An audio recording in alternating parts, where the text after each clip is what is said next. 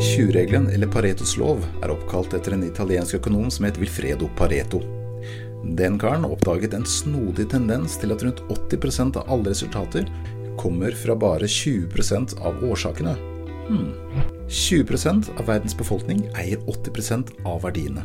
Og 20% av kriminelle begår 80% av forbrytelsene.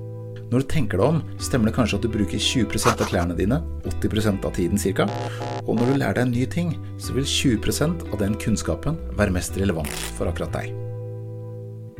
Med Paretos lov kan f.eks. en butikk se hvilke 20% av kundene og varene som gir dem 80% av inntektene. Men også problemløsning blir lettere når man innser at det ofte er noen få elementer som forårsaker de fleste problemene dine.